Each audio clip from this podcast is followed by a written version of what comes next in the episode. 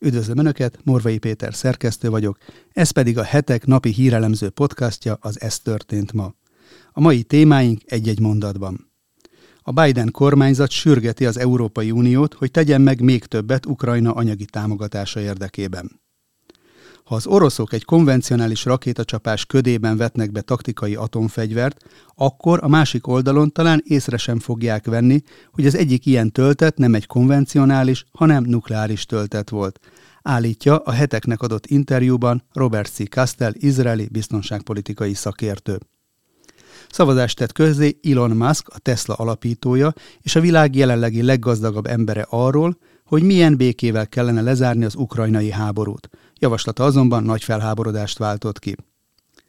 Egy friss jelentés szerint az elmúlt években egyre népszerűbbé vált a gendersemleges vagy genderkreatív nevelés nem csak a homoszexuális, hanem a heteroszexuális párok körében is. De még mindig viszonylag kevesen vállalkoznak arra, hogy úgy neveljék gyermekeiket, hogy soha nem beszélnek nekik a nemükről. Önök az október 4-i adást hallják, a nap legizgalmasabb híreit és aktualitásokat a hetek válogatásában. Mindenről részletesen is olvashatnak és hallgathatnak a hetek.hu oldalon, illetve YouTube csatornánkon. Az adásban elhangzó témákhoz a videó leírásában megtalálják a kapcsolódó linkeket is. Köszönjük, hogy már több mint 51 ezeren követik Facebook oldalunkat, és közel 10 ezeren iratkoztak fel YouTube csatornánkra is. Ha esetleg ezt nem tették volna még meg, kérem csatlakozzanak, hogy biztosan értesüljenek a legfrissebb tartalmainkról. Nézzük akkor témáinkat részletesebben. Az amerikai Bloomberg hírügynökség értesülése szerint Washington sürgeti az Európai Uniót, hogy tegyen meg még többet Ukrajna anyagi támogatása érdekében. Az Egyesült Államok eltökélt szándéka, hogy az idén havi szinten másfél milliárd dolláros összeggel támogassa Ukrajnát az Oroszország elleni háborúban. De Washington nem áll meg itt. Európai szövetségeseit is arra akarja rábírni, hogy hasonló összegekkel segítsék Kijevet. Mindenről nevük elhallgatását kérő források számoltak be a Bloombergnek. A Biden adminisztráció még a múlt héten írt alá egy 4,5 milliárd dolláros támogatásról szóló dokumentumot a 2022-es év hátralévő részére vonatkozóan, ami másfél milliárd dollár forrást írt meg az ukránok számára havi szinten.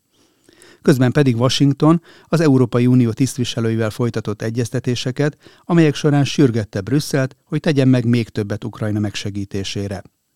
Ez azonban nem lesz egyszerű, mert az uniós országok között tovább folytatódnak az alkudozások a korábban tett ígéreteik teljesítése miatt. Amerika azonban egy rendszeresebb támogatási mechanizmusról kíván tárgyalni a vezető európai országokkal. Ennek segítségével szeretnék Ukrajna gazdaságát életben tartani az elhúzódó háború közepette. Egy másik forrás pedig azt ecsetelte, hogy az amerikai kongresszusban egyre nagyobb az igény a hosszú távú támogatásra, és a szövetségesek közötti nagyobb tehermegosztásra lesz szükség a jövőben. Magyarul ez azt jelenti, hogy az európai államoknak a jövőben még többet kell kiadniuk a válság miatt amúgy is megcsappant államkasszájukból Ukrajna támogatására. Nem csoda, ha sokan úgy gondolják, hogy ennek a válságnak a nagy nyertese az Egyesült Államok, amely egyszerre tudja gyengíteni Oroszországot és az európai konkurenseit is, anélkül, hogy bármilyen komoly veszteséggel kellene számolnia. Ez a témához kapcsolódóan szeretném figyelmükbe ajánlani azt a beszélgetést, amelyet a Hit Rádió készített Fritz Tamás politológussal, az Alapjogok Központ vezető elemzőjével, a Brüsszel elit és a globális hálózatok kapcsolatáról. Ennek az interjúnak a linkjét is megtalálják a leírásban. Robert C. Castell szerint nincs idő felkészülni, ha Putyin atomfegyvert vet be. Ha az oroszok egy konvencionális rakétacsapás ködében vetnek be taktikai atomfegyvert, akkor a másik oldalon talán észre sem fogják venni azt, hogy egy ilyen töltet nem egy konvencionális, hanem nukleáris töltet volt. Állítja a heteknek adott interjúban Robert C. Castell izraeli biztonságpolitikai szakértő. Castell szerint maga a taktikai atomfegyver elnevezést is egy mesterséges meghatározás, mert az orosz katonai doktrinában semmilyen kitétel nincsen. Teljesen elképzelhető, hogy az oroszok nem egy taktikai, hanem stratégiai fegyvert vetnek be, és nem az ukrán csapatok ellen, hanem Ukrajna mélységében, valahol egy ipari központ, egy áramelosztó központ vagy egy vasútállomás ellen, esetleg elektromágneses impulzus gerjesztésére. Arra a kérdésre, hogy mennyi idő áll rendelkezésre, hogy Ukrajna és a nyugat fölkészüljön, ha esetleg egy ilyen lépésre szánná el magát az orosz katonai vezetés, Kastel azt válaszolta, hogy lehetnek erre utaló előzetes jelek. A kérdés az, hogy milyen eszközzel kívánják célba juttatni ezt a töltetet. Ha tényleg hiperszónikus rakétával kívánják mérni ezt a csapást, akkor az percek alatt bekövetkezik. Nem vagyok benne biztos, mondta Kastel, hogy a nyugati hírszerzés képes leszedni az összes célba juttató eszközt, ami az orosz arzenálban jelenleg rendelkezésre áll. Ezek lehetnek atomtengeralattjárók, lehetnek szárazföldi silók, lehet bombázó repülőgép is, de lehet teljesen konvencionális módon, tehát egy gyalogsági különleges alakulat által célba jutatott töltet, vagy akár nukleáris ágyú lövedék is. A lehetőségek száma szinte korlátlan.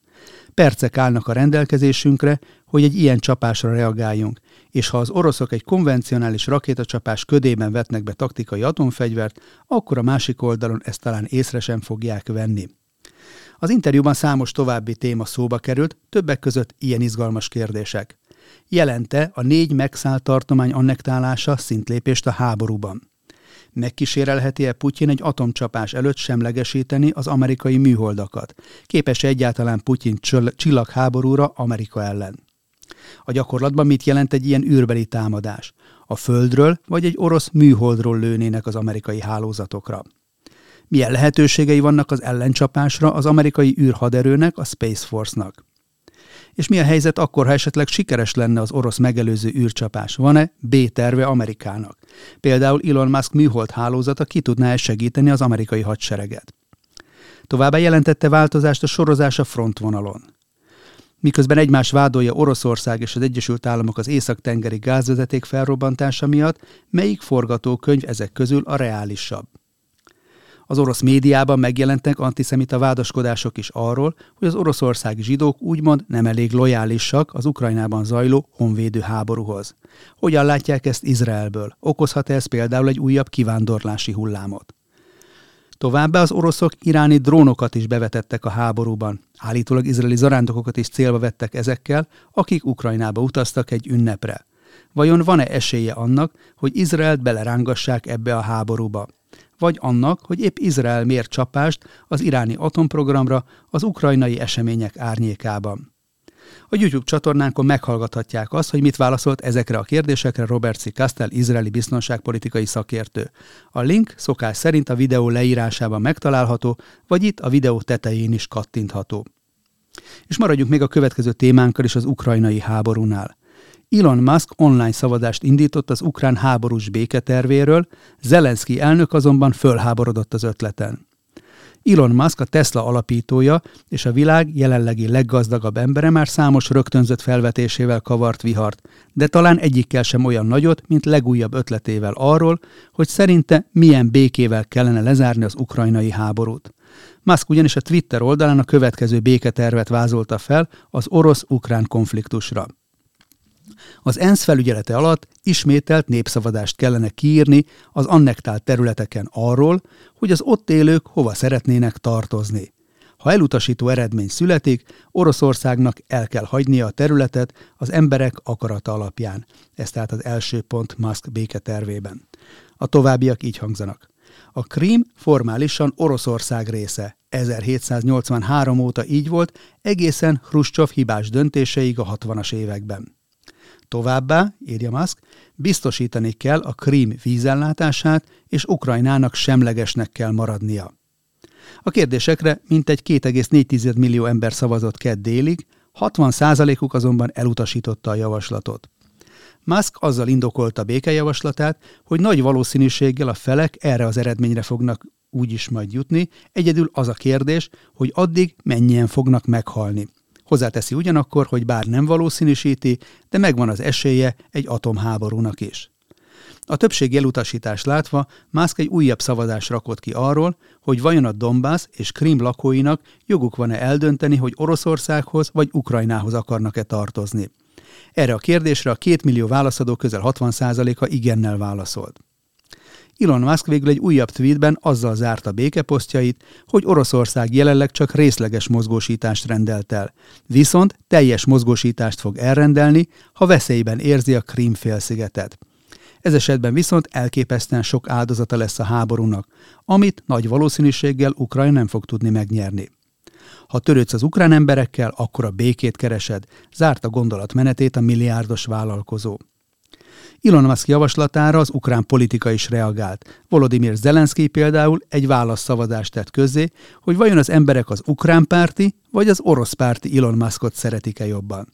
Erre a szavazásra 1,9 millióan voksoltak eddig, és nem meglepő módon 81%-uk az ukrán párti Tesla vezért hozta ki győztesnek. Eddig csak a szólásként mondtuk azt a bizonytalankodó emberekre, hogy azt sem tudja, fiú-e vagy lány.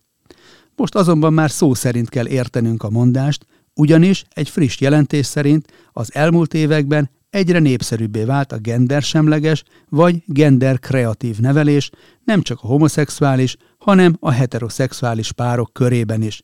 De még mindig viszonylag kevesen vállalkoznak arra, hogy úgy neveljék a gyermekeiket, hogy soha nem beszélnek nekik a nemükről.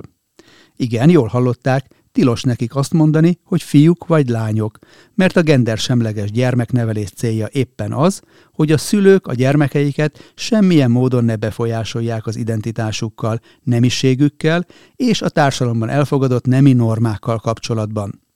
A nevével ellentétben ez az irányzat nem semlegesíteni próbálja a gyermekek nemét, hanem az a célja, hogy a gyerekek saját maguk dönthessék el, hogy milyen neműek akarnak lenni, és ne kívülállók mondják meg nekik, hogy kik is ők, beleértve a szüleiket és a gyerektársaikat is. Ez a hagyományos nevelési irányzattal teljesen szembe menő módszer az 1980-as években kezdett elterjedni, elsősorban homoszexuális csoportok körében, ahol úgy akarták tanítani a gyerekeket, hogy közben úgymond nem skatujázzák be őket azzal kapcsolatban, hogy fiúk-e vagy lányok. A gender semleges nevelést pártolók azzal érvelnek, hogy őket gyerekkorukban a nemi sztereotípiák szerint tanították, és a hagyományos nevelés miatt diszkriminálják az emberek felnőtt korukban az LMBTQ-val azonosulókat a mai napig is.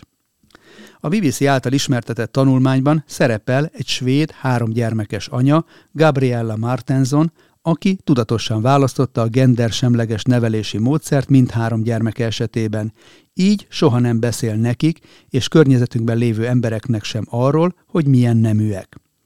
Gabriella így indokolta a döntését. Azt akartam, hogy azok legyenek, akik lenni akarnak. Nem akarom ezt helyettük eldönteni, ahogyan az sem, hogy mivel foglalkozzanak felnőtt korukban, vagy hogy kit szeressenek, vagy kivel éljenek inkább együtt. Arról nem szól a jelentés, hogy a szupersemleges anyuka hogyan tudta úgy pelenkázni vagy fürdetni a gyermekeit, hogy közben ne befolyásolja őt a látvány. Gabriella szerint a gendersemleges nevelés úgymond megkönnyíti a gyermekek életét, hiszen később a születésükhöz képest akár más nemmel is tudnak majd azonosulni, és megértőbbek lesznek a más nemi identitást maguknak vallók felé. A legidősebb, jelenleg 11 éves gyermeke például 4 éves kora óta lányként azonosítja magát, pedig születési neme szerint fiú. Az anya tudatosan nem használja otthonában a fiú és lány szavakat, és a gyerekei születési neműnek meg, nemének megfelelő személyes névmásokat is csak akkor alkalmazza, ha a gyerekei egyetértenek ezzel.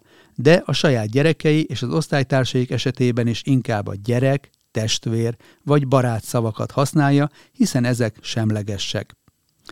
A tanulmány még ennél cifrá példákat is felsorol, például ismerteti egy svájci apa nevelési programját, aki a német nyelvben használatos hímnemű, nőnemű és semleges nemű veceneveket vegyesen használja a gyerekei esetében, mert mint állítja, több opciót akarunk adni nekik, mint a társadalom, amely már korán megpróbálja őket nemi alapon formálni. A svájci apa elmondása szerint a hagyományostól eltérő nevelés egyik eredménye az, hogy a legnagyobb gyereke már az iskolában tiltakozik, ha a tanárok arról beszélnek az órákon, hogy valamilyen tevékenységet, például a körömlakkozást fiúk nem csinálnak. A férfi szerint legnagyobb gyermeke egyébként öt éves korában közölte a szüleivel, hogy milyen nemű, de arra nem adott engedélyt nekik, hogy ezt az embereknek is elmondják. Nos, ahogy mondani szokták, egy bolond százat csinál. Így egyre több család választja, különösen Észak-Európában és Amerikában ezeket az elveket. A következmények beláthatatlanok, hiszen nem állnak rendelkezésre kutatások arról, hogy hosszú távon milyen hatása lesz a gyermekekre vagy a társadalomra mindennek, de egy brit pszichoterapeuta tapasztalatai szerint sok gyereknél megnövekedett szorongást okoz az, hogy nem kapnak egyértelmű útmutatásokat a szüleiktől. Ez nagy kihívás jelent a kicsik számára, és a semleges nevelés pont a visszájára fordul, vagyis csak még inkább megerősödnek bennük a hagyományos nemi szerepek. Tegyük hozzá, hogy ők ezzel még a szerencsésebbek közé tartoznak. Nos, ennyi fér bele a mai ajánlónkba. Morvai Pétert hallották, az Ez történt ma október 4-i adásában. Várom Önöket holnap is aktuális hírekkel, ajánlókkal, és ha szeretnének ezekről biztosan értesülni, akkor kérem iratkozzanak fel a hetek YouTube csatornájára, ahogyan ezt már közel tízezeren meg is tették, amit ezúton is nagyon köszönünk. A holnapi találkozásig további szép napot kívánok mindenkinek, a viszonthallásra!